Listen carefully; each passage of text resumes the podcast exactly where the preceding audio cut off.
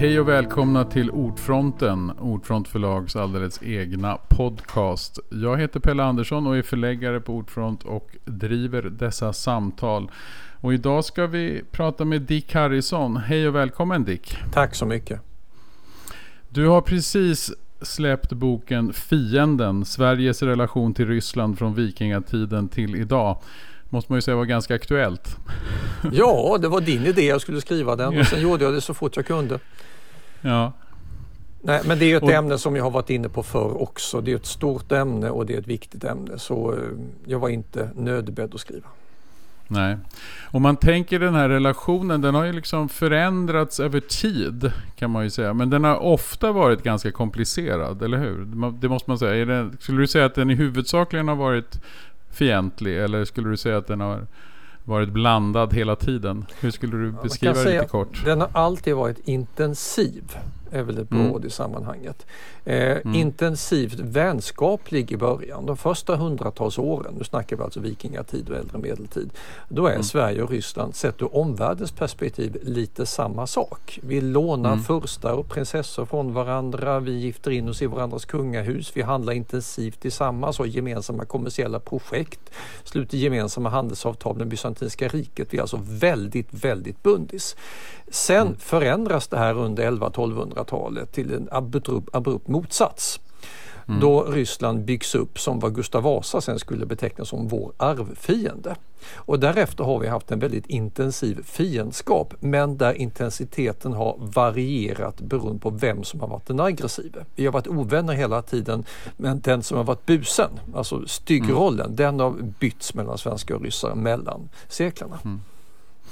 Tror du att det skulle kunna, den här att man försöker nu studera, eller att du nu skriver om den historiska relationen.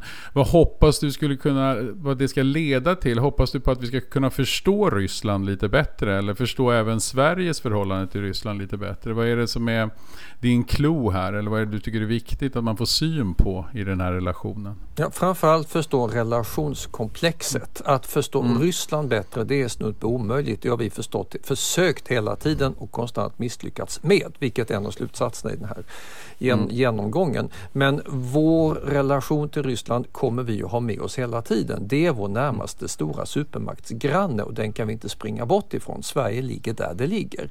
Och det, mm. det är den geografiska komplexiteten som vi behöver förstå mer så att vi inte gör om misstag. Ryssen mm. är here to stay och så har det varit i hundratals år men vi har ofta gjort val sett ur det perspektivet som har visat sig vara fruktansvärt felaktiga och ibland kostat många människoliv. Och det, det är den här kontinuiteten av stormaktsgranne som vi gärna blundar för som jag skulle mm. vilja belysa i olika synvinklar. Men det, det tillkommer ju en aspekt till här och det är att vi har aldrig varit bekväma med den här relationen. Ryssen har aldrig varit en god granne som vi har inspirerats av. Det ligger alltså bara runt om hörnet. Ryssland är mm. inte långt bort men om du tittar på hur många lånord och kulturella impulser vi har fått från danska, norska, tyska, franska, engelska, USA, till och med Spanien och Italien så är de oändligt många fler än de vi har fått från Ryssland. Jag mm. gjorde någon sorts tankeexperiment och tänkte hur mycket runt omkring mig är egentligen ryskt. Ja, eh, på Systembolaget har de vodka. Och på mm. dotterns TV, när hon tittar på barn-TV, så förekommer ibland Marsha och björnen. Men det är ungefär allt som jag spontant kommer på som är sånt genuint ryskt. Jag räknar bort Tolstoj och Dostojevskij i bokhyllan, de är ryssar också. Men alltså det är inte så att vi har massa lånord och massa sedvanor och festligheter och helger som vi har fått från Ryssland. Tittar du på Nej. Tyskland och England och USA så har vi fått jättemycket. Och, det är alltså, och, och, och den här alltså väldigt ingrodda, det här ingrodda främlingskapet, det är unikt mm. i vår relation med omvärlden och det speglar ju också den här speciella känslan som kan eh, alltså, uppförstås till rysskräck eller ryssförakt eller rysshat eller bara ryssrädsla. Och alla de här olika aspekterna de har vi sett i vår historia, kommit och gått men alltid legat där som en röd tråd.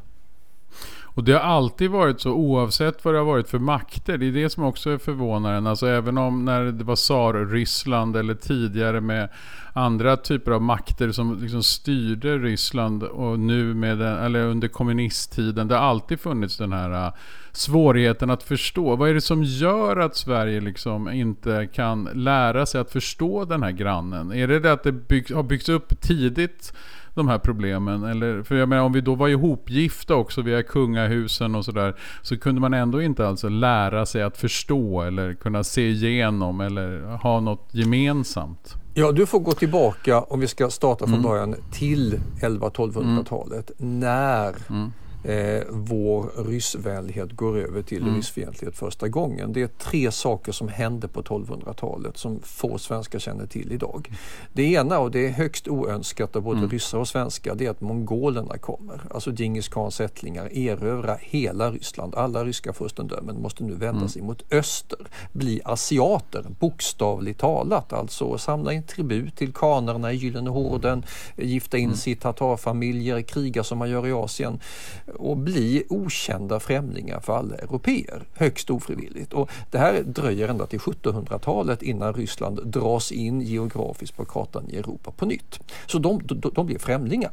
Och det innebär att på 1500-1600-talet när man ska försöka handla med ryssarna då är det som att försöka handla med kineser, japaner eller afrikaner. Det är en främmande kontinent som man måste upptäcka. Det andra som sker då det är att Sverige och Ryssland blir dåliga grannar för vi kolliderar i Karelen och vid Finska viken. Eh, Sverige har då blivit formerat till ett rike och börjat funka. Storfurstendömet Novgorod i Ryssland har också blivit det och när vi då kolliderar i Karelen då blir det en sorts permanent krigszon eller fejdzon som aldrig går att sluta riktig fred i utan det här blir ett återkommande, ständigt återkommande match och returmatch i krig. Så att när vi är framme på, på 1500-talet då kan Gustav Vasa bokstavligt talat kalla det här för en arvfiende för man har alltid krigat. Det tredje som sker på 1200-talet det är att vi får kyrklig hjälp för att sanktionera de här gränskrigen. Vi behöver inte kalla det här för gränsbråk om vem som ska beskatta någon karelsk bonde utan det här är heliga krig. Ryssarna de är inte bara konstiga asiater, de är dessutom schismatiker, otrogna, kättare, ortodoxa. Så det är religiöst fel på dem också. Gud vill att vi ska kriga. Och lägger du ihop de här tre aspekterna Alltså eh, ryssen blir främling, ryssen blir vår ständige onde dåliga grann i Karelen och det är helt okej okay, även sett i himlens makter att slå ihjäl dem. Det här är tre kraftfulla komponenter i en fiendskap som är väldigt lätt att permanenta. Båda sidor tjänar ju på att ha en fiende man kan demonisera också och ryssen är så pass långt bort att det är ganska lätt att göra det. När vi sen kommer fram på 1500-1600-talet då är det här en etablerad fiendskap som har permanentat sig själv. Och sen byter den utseende beroende på vem som är starkast och vem som är värst. Under 1600-talet är det Sverige som är busen. Då är Sverige en stormakt. Sverige krigar mot alla grannländer och vinner för det mesta för vi är bättre på att slåss, bättre militärmakt. Och då är det vi som attackerar ryssen och då tar fiendskapen en form av förakt. Vi, vi föraktar ryssen. Ryssen är inte bara Eh, allmänt skum, elak och dum. Ryssen är dessutom eh, korkad. Alltså, vi har berättelser om att ryssar är, alltså, är lite sämre folk. När vi sen kommer in på 1700-talet förbyts det i sin motsats. Då är ryssen den starka aggressiva parten och då blir vi rädda för ryssen. Rysskräck, ryssfobi. Och det här kan få eh, i efterhand komiska eh, kulmen per perioder som vid förra sekelskiftet när det eh, går omkring ryska sågfilar och skärslipare, alltså vanliga arbetsvandrare på svenska landsbygden som behöver lite extra försörjning. Och då svensken i gemen, inte minst journalistkåren, tror att det här, det är inga arbetare. Det är tsarens officerare som har klätt ut sig till arbetare för att med generalstabskartornas hjälp kartlägga alla svenska militära anläggningar så att det blir lättare när de invaderar oss om något år. Och det här leder till en enorm rysskräck med, med upphåsning av eh, fobi och rädsla. Polisen, intressant nog, avfärdar detta direkt. När man plockar in ryssar och förhör dem så visar det sig att de är mycket riktigt vanliga bönder från trakten av Novgorod och det är inget annat. Men folk i gemen fortsätter att tro på det och är man ryss i Sverige så kan man bli tagen till förhör, kallad till polisen och utfrågad mot baktanken du är kanske en spion för tsarens räkning. Vid ett tillfälle, och det här är väldigt komiskt, i Stockholm så plockar man till och med in en socialist som är på konferens som kallas Ivan. Och han blir verkligen förhörd och hamnar i polisrullorna och han tycker inte alls om tsaren. Han förstår att svenskarna är lite rädda men jag tillhör inte hans gäng. Han heter egentligen Vladimir Iljitj Lenin och kommer att göra revolution senare. Men alltså det, den här, det spelar liksom ingen roll vilken typ av ryss du är. Du är ryss och då, då, är, då är man rädd för dig. Och, och då är det också så, ja, ja fortsätt. Ja, och, och det här kan sedan fortplantas och ta olika utseenden genom tiderna rakt in i nutiden. Att vi är helt enkelt obekväma med ryssen. Det är ingen vill låna kultur ifrån, ingen vill låna matlagningstraditioner eller ja, möjligtvis en och annan Tchaikovsky-opera. Men inte mer än så. Nej, för vi har ju ändå ett visst inflytande från litteratur och kultur och även någon enstaka maträtt och sådär. Men det är också så, det märkliga är att det är en sån gemensam syn. Det finns ju heller inga folkliga överskridanden. Det är inte så att det svenska folket någon gång genomskådar någon slags maktens syn på Ryssland eller så, utan det här verkar vara genomsyra hela, hela Sverige. Men har ryssarna också samma syn på oss då genom historien? Tycker de också, eller har de en sån syn på europeen? Eller hur skulle du säga att de tittar på oss? Ja, alltså först, för, mm. först det här med att allt har mm. genomsyrat Sverige fullständigt, det är ju helt rätt. Vill man verkligen vinna mm. politisk poäng i Sverige så drar man rysskortet. Mm. Eh, som, som 1928 eh, andrakammarvalet när man eh, Unghögern hade en stor kampanj. En var som röstar på Arbetarpartiet röstar på Moskva. Eftersom sossarna hade begått den enorma dumheten att ha ett valtekniskt samarbete med kommunisterna, det vill säga med Moskva. Och det blev ett av Socialdemokraternas sämsta val någonsin och de aktade sig mm. noga för att göra, om det här. Så, så kan man dra ett rysskort hos oss. Vi har den här mm. latenta rädslan. Tittar man sen på ryssarnas uppfattning om Sverige och det har man gjort, man har gjort undersökningar via Svenska institutet, vad tycker ryssen i gemen om Sverige? Så väldigt, väldigt många har svårt att peka ut Sverige på kartan. Eh, mm. De, de flesta vet inte riktigt någonting om Sverige. Möjligtvis om man bor i en storstad och har IKEA-erfarenheter så vet man att det är svenskt men det är inte självklart. Och svensk litteratur, ja, de som vet vem som har skrivit vad vet att Karlsson på taket skrevs av en svenska. Men alltså det är inte så att allmänbildningen om Sverige är särskilt utbredd utan det är, det är väldigt beklämmande slutsatser som de här opinionsundersökningarna och Svenska institutet drar och som man har dragit i flera undersökningar efter varandra.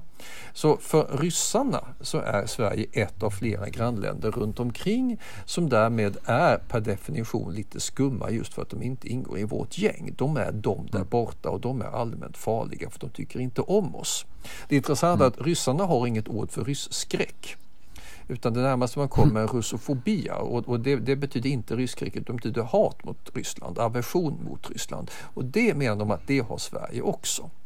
När man då pressar ryssarna, och det har skett ibland, ibland har de sagt det självmant också i samband med officiella besök, på varför Sverige skulle ha den här ryssofobin. Ja, då drar de upp Karl XII och svenska stormaktsväldet och att Sverige har någon sorts eh, alltså, fantomsmärtor över att inte vara ett imperium och att vi därför drömmer om att ta tillbaka det och angripa Ryssland och det är så svenskar går omkring och tänker. Det här låter ju helt bisarrt när man hör det men det var ungefär det Khrushchev, Nikita Khrushchev sa till Tage Erlander när han var här 1964 och kördes runt i Stockholm och fick se Karl XII-statyn i Kungsträdgården och fick se hur svenska paradgator ser ut. Och då länkade Krusse det till den svenska, vad han trodde var den svenska självbilden och läxade upp vår statsminister i en bil att det här är mm. faktiskt något vi ryssar tar på blodigt allvar. Som när ni invaderade oss 1709 och ryckte fram till Poltava och var väldigt aggressiv. Erlander visste mm. inte vad han skulle säga. Eh, han skrev sen i dagboken att ska jag berätta för Chrustjov att det var de som angrep oss. Att det var tsar Peter som var det. Nej, det vågade inte Tage göra för han tänkte jag, jag vill inte sabba den här mycket känsliga diplomatiska relationen. Nu gjorde han mm. det i alla fall för han började prata om Raoul Wallenberg istället och det skulle han inte ha tagit upp. Det skulle han inte ha gjort, nej. nej. Och då är det ju så att man hoppas ju på att det finns någonting att lära ur historien. Du har ju ändå skrivit den här boken. Det finns ju också då tider där det har varit lite bättre relationer. Där vi faktiskt har haft utbyte med ryssen.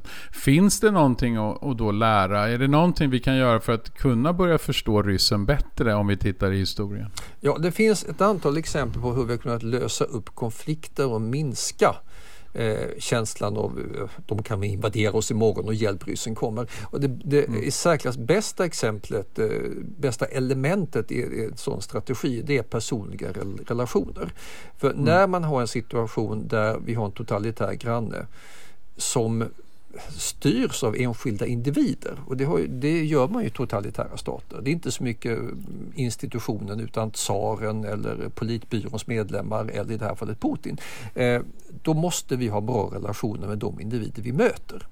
På 1700-talet när Sverige under flera decennier fungerade som en rysk vasallstat där ryssarna lades i och bestämde tronföljarval och stationerade trupper i Sörmland. Eh, då var det enormt viktigt att vi hade en bra relation med ambassadören i Stockholm. Om vi inte mm. hade det så kunde det bli nationell kris med bondeuppror i värsta fall krig och detta hände. Om vi däremot hade en bra relation med den där ryssen som alltså bjöd honom på middagar och umgicks väl, då kunde det bli avspänning. Detant som man mm. hade kallat det på 70-talet och sådana perioder mm. hade vi också. Alltså när man har att göra med en totalitär granne så är de här personliga relationerna oändligt mycket viktigare än om det hade varit en demokratisk granne som i fallet med Tyskland, Danmark, Norge, USA, England. Mm. Eh, det andra man bör tänka på det är att vi har försökt inbilla oss att det ska bli folk av ryssen. Alltså det ska bli en västerländsk demokrati av Ryssland många mm. gånger. Vi vill så oerhört gärna tro att det ska bli det. Vi har haft fel varenda gång hittills. Vi borde kanske ställa in oss på att det är en naiv önskedröm. Vi ville mm. det under 1920-talet. Då hade man en stor vilja att eh, Sovjetunionen visst, men kan säkert investera där. Vi ville det ännu mer efter murens fall och efter Gorbatjovs fall på 90-talet. Visst, Jeltsin mm. verkar vara lite konstig, uh, nyper kvinnor i ändan och sånt, men alltså det, det, är väl växtverk. De får säkert en bättre ledare sen. Putin blir nog något så småningom. Jag menar, det, det här minns mm. vi ju. Vi, vi ville så gärna mm. tro det här och då menar jag vi allesammans. Försvaret mm. ville kunna nedrusta så att man kan spara pengar. Företag vill inrätta etablera sig och det politiska etablissemanget vill att det ska bli folk av ryssarna. Det fanns gott om varningsklockor. Jag menar det faktum att man det fortfarande var krångligt att åka dit. Jag har varit i Ryssland mm. flera gånger och det blev aldrig lättare efter murens fall. Eh, det var krångligt hel, gång på gång och eh, dessutom så gör de ju dumheter. Jag menar eh, Tjetjenienkrig, eh, invadera Georgien, eh, går ta Krimhalvön. Alltså gång på gång så svalde vi det här. För vi ville mm. så gärna att det här var bara växtverk. Det mm. blir bättre. Och vi hade fel. Bevisligen fel eftersom de invaderar Ukraina i, i alla fall. Vi borde kanske sluta med det här. Inse att det här är inte problem som kommer att försvinna. Vi måste lära oss leva med att vi har en oberäknelig totalitär granne inom överskådlig tid. Kanske inom tiotals och hundratals år. Märk väl, jag hoppas jag har fel här, mm. men min, baserat på historisk erfarenhet så är min prognos pessimistisk. Och medvetenheten om det, känner vi till det här, då tas vi inte på sängen. Nej, goda personliga relationer med de ryssar vi har att göra med och det är lätt att ha goda personliga relationer med ryssar för de kan vara precis lika trevliga som all, alla andra. Och dessutom en beredskap för att vi lever faktiskt mycket osäkrare med den här grannen än vi vill tro. Har man den medvetenheten så behöver man varken ha ett ryssförakt eller en rysskräck, snarast någon sorts ryssrealism. Mm. Och det är väl det också då som du är inne på här, att, de, att det här landet har aldrig lyckats demokratiseras. Folket, alltså det har alltid varit auktoritärt. Det är också därför som vi heller aldrig kan på något sätt lita på eller få en normaliserad relation. För vi har ju ändå normaliserat relationerna med Danmark och med Tyskland efter, Tyskland efter andra världskriget. Och Danmark har vi också som du sagt legat i krig med väldigt mycket. och nu har ja, vi ändå en relativt... världsrekord. Länder som har krigat mer mot varandra än några andra och danskarna är ett brödrafolk folk idag. Ja, precis. Ja, nej, men nyckeln till det här är ju att vi svenskar, liksom våra västeuropeiska grannar och till och med USA, har blivit liberala demokratier. Mm. Vi har gått, gått in i en fas av historien där vi kan välja bort våra ledare om de dummar sig. Till och med en sån som Trump kunde väljas bort och kunde inte klara sig kvar vid makten. Alltså danskarna har vi krigat oss sönder och samman med gång på gång på gång. Men Danmark är en demokrati. Mm. Tyskland är en demokrati, till och med DDR har fallit. Mm. Och demokratier brukar nästan aldrig förklara krig och invadera grannländer. Det finns, finns några få exempel men de är inte många. Eh, dessutom har demokratier en transparens i sitt system som gör att man kan se igenom dem, upptäcka faror. Demokratier har dessutom någon sorts ständigt behov av att legitimera sig själva mot sin egen befolkning, vilket en diktatur inte behöver. Allt det här är goda positiva saker som gör att vi kan lägga ned aggen. Vi behöver inte vara rädda för dem. Mm. Vi vill helst inte vara rädda heller. Det är mycket lugnare och bättre att åka dit och turista, spara försvarspengar och ta det lugnt. Mm. Vi kan inte tänka så med en totalitär granne med en kärnvapenarsenal. Mm. Men vi vill gärna kunna göra det i alla fall och det är därför vi har lurats in i den här eh, svackan av nu kan vi lägga ned hanen och rusta ned. Det blir folk av ryssen.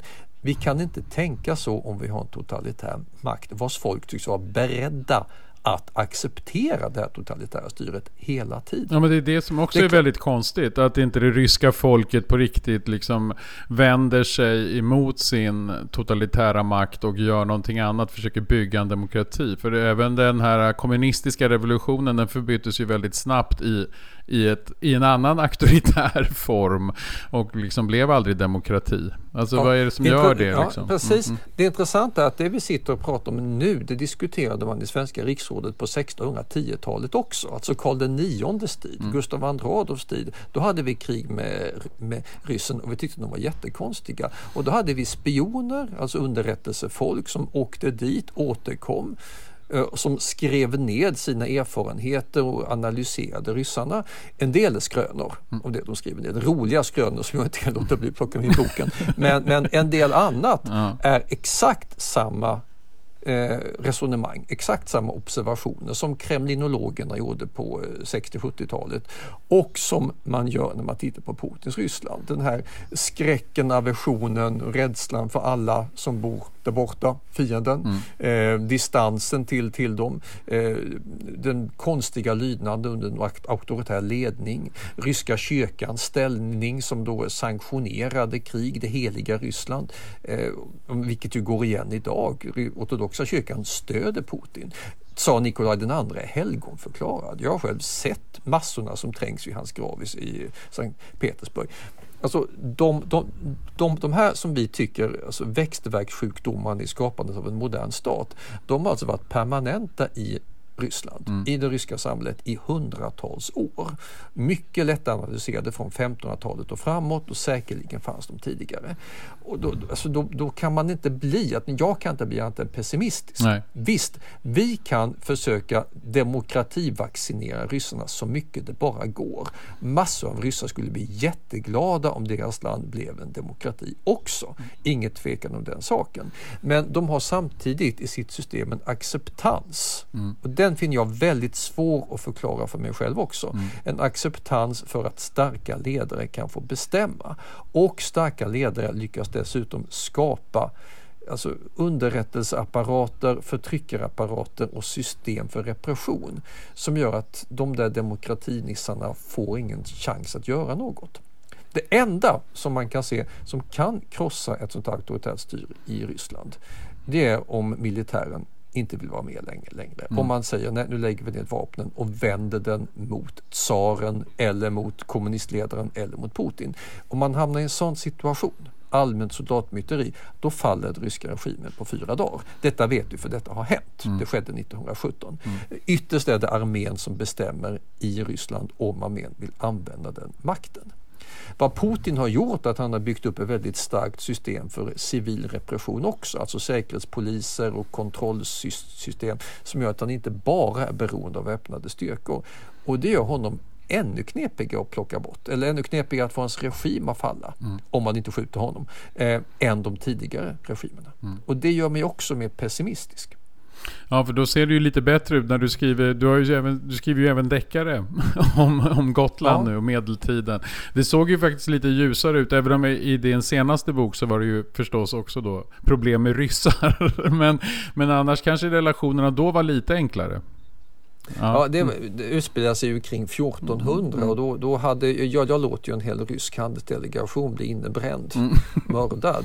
Vilket passade väldigt bra i förhållande till att Ukraina-kriget startade samtidigt. Det, det här visste jag ju inte om när jag skrev boken men jag fick ett högaktuellt Rysslands ämne.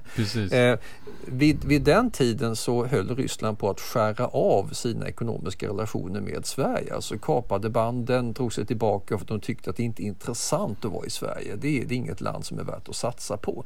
Eh, och, och vi, vi, ska tuffa till oss mot tyskarna också. Det var alltså just då man höll på att skapa en allt sämre relation även på individnivå. Mm. Och det, det, blev ju från att man tidigare hade kunnat umgås väldigt väl och handla. Och det, det blev ju som någon sorts profetisk bild trots att det inte var meningen till hur det blir idag. Mm. För nu skär vi band, banden också. Mm.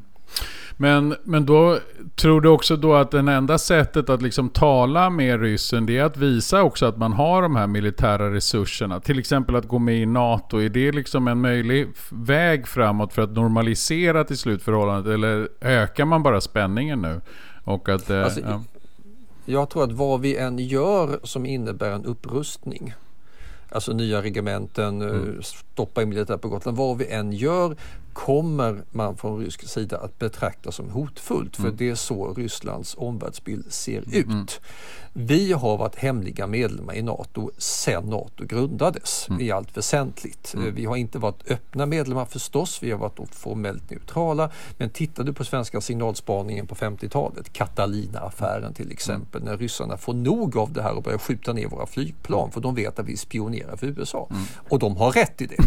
eh, då, då, är, då är det ju väldigt uppenbart att de betraktar Sverige som en NATO-medlem. Mm. Men de väljer att spela spelet öppet för att inte krångla till det med Finland och låtsas att vi inte är det. Och det här är också mycket tydligt när, när, so, so, so, när Sovjetunionen bjuder in skandinaviska politiker på besök. Bjuder de inte bara in Sverige, de bjuder in de andra skandinaviska länderna också. De gör ingen skillnad på vem som är NATO-medlem och inte. Så jag tror inte att det här spelar någon större roll alls. Nej. Att vi väljer att gå med i NATO det är ett rationellt beslut man ser vad som är enklast säkerhetsmässigt just nu när Finland går med också. Då gör man en kalkyl. Och sådana kalkyler har vi gjort sedan Napoleontiden och vi har bytt utrikespolitik många gånger. Från neutralitet till alliansfrihet till all, all, all, allianser och fram och tillbaka. Så, så där har vi, har vi varit kontinuerligt lyckosamt opportunistiska. Mm. Lyckosamt, vi har faktiskt sluppit krig. Mm. Och det gör vi nu också. Det är bara det att nu är NATO det bästa alternativet. Mm. För ryssarna har det här aldrig spelat någon egentlig roll. Nej, vi har varit li, li, lillebror som har varit allmänt skum där borta med någon sorts stormaktskomplex som de gärna vill dra ett kort på om det skulle bli någon akut konflikt. Så där, det jag inte, tror inte spelar någon Det blir vare sig farligare eller an, alltså på något annat sätt. Det blir kanske inte bättre relationer heller helt enkelt. Nej, det, Nej. det blir lite tryggare. För oss mm. har vår regering bestämt och de kan ha rätt i det. Mm. Eh, men sett i relationen till Ryssland tror jag att det inte spelar någon större roll alls. De, de tycker att vi är skumma i vilket fall som helst. Men, om vi rustar upp. Precis, men det som, som avrundning på det här samtalet, att du, det du ändå säger var den här personliga relationen, att försöka skapa en personlig relation med makten där borta och med ryssarna. Och hur kan man, vad, har du några idéer om, eller hur har de byggts de där relationerna förr? Du sa att man har till exempel haft kontakter med ambassadören i Sverige. Hur, hur kan man bygga sådana relationer? Är det möjligt fortfarande tror du? Jag vill ju absolut inte att vi gör som vi gjorde på 1700-talet för det gick till så att ryska ambassadören mutade svenska riksdagspolitiker för att rösta som Ryssland ville och det blev väldigt goda relationer för de framförallt bondepolitiker som fick ta emot de där mutorna. Ja. Eh, frans, fransmän gjorde för övrigt på exakt samma sätt och mutade politiker också. Fransmännen var bättre på att betala ut de där mutorna än vad ryssarna var. Det här blev en hel del bråk när bondepolitiker inte fick rätt pengar och de marscherade till ryska ambassaden. Detta är inte någonting att ta efter. Däremot de här ryska ambassadörerna, de som verkligen ville lära känna svenskarna, de kunde bli Stockholmsprofiler mm. och då kunde man få en fungerande relation med just de människorna som var nyckelspelare. Och det är någonting som man i det politiska samhället inte har råd att tacka nej till. Vi är tvungna att ha en relation med vår närmaste granne. Låt den skötas av proffs så att de helst kan bli goda vänner och kompisar. Då får vi åtminstone lite, lite lugnare alltså vardagsliv i relationen med grannen. Mm. I övrigt, när väl Ukraina-kriget är slut, för det slutar ju förr eller senare, så kommer vi ha kvar en jobbig granne i öster. Mm. Och då gäller det naturligtvis att ha så många goda relationer med enskilda individer där som möjligt. Mm. Och det kan handla om allt från eh, konserter, opera till eh, utbyte på miljökonferenser och eh, allt möjligt. Så länge som det är en totalitär stat är det enskilda individer som bestämmer på ett sätt som vi i demokratiska länder har svårt att förstå. Och har vi bra relationer med jobbiga grannars ledare så minskar risken för att den där grannen attackerar oss jättemycket. Det är en historisk lärdom mm. och vi bor så nära Ryssland att vi har inte råd att tacka nej till den. Nej. Och som du säger att de skulle liksom välta Putin över ända eller på något sätt bryta det här eller att militären plötsligt skulle byta sida. Det känns inte som att det ligger i, i närtid. Nej, Nej, alltså ska man vara realist så tror jag att det lättaste sättet att få slut på Ukraina-kriget är att någon skjuter Putin. Mm. Alltså lönnmord. Det är inget man kan sitta och argumentera för att vi vill ska ske mm. även om det nog hade funkat bra. Men jag, så som han har byggt upp sin maktapparat så sitter han mycket säkrare i sadeln än vad Nikolaj den andre gjorde eller Mikhail Gorbatjov mm. eller stora oredans tsar på 1600-talet. För Ryssland har ju haft kriser och problem för eh, Putin har lärt sig av det förflutna mm. och sett till att bygga upp en väldigt stabil maktapparat och den, eh, den ruckas man inte på i första taget. Nej, är det någonting som har förvånat dig under arbetet med fienden? Är det någonting i bokarbetet som det blev en överraskning eller någonting som du tyckte var det här kände jag faktiskt inte till om den, de här relationerna Sverige-Ryssland genom tiderna?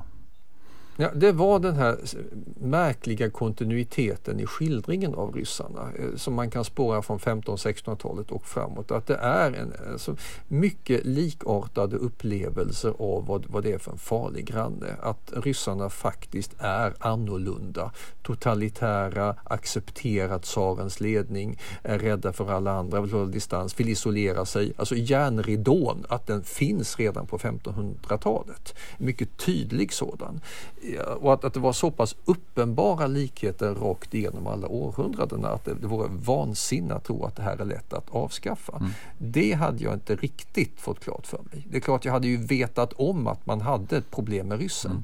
Men den här uppenbara järnridån som, är, som man märker som svensk om man bara ska ha visum till Ryssland. Mm. Den, det var alltså vardagsmat för Gustav Vasa Johan III. Och det var för mig något som var som en aha-upplevelse. Mm. Oj då, det här, det här blir svårt att ändra på. Ja, det gör ju inte att man känner något stort hopp för relationen mellan Sverige och Ryssland Nej, jag är pessimist här. Att, att, mm. förstå en sak men att tro att det ska bli bättre, det, det är att döma av 1900-talets historia naivt. Mm.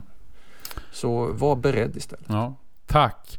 Tack så hemskt mycket Dick. Det här var väldigt lärorikt och intressant. Och jag är väldigt glad över att du kom hit till Ordfronten. Och pratade, även om vi har gjort det på distans. Du sitter i Lund och jag sitter i Stockholm. Och vi har haft lite tekniska problem här också på vägen. Men, ja, men jag tror sagt. det blir bra. Men vi har klarat av det. Ja. Så tack så hemskt mycket och tack för att du skrev den här äh, boken Fienden, Sveriges relation till Ryssland från vikingatiden till idag. Den kan behövas. Mm, tack. Mm, tack. Ha det så bra. Hej. Hej då.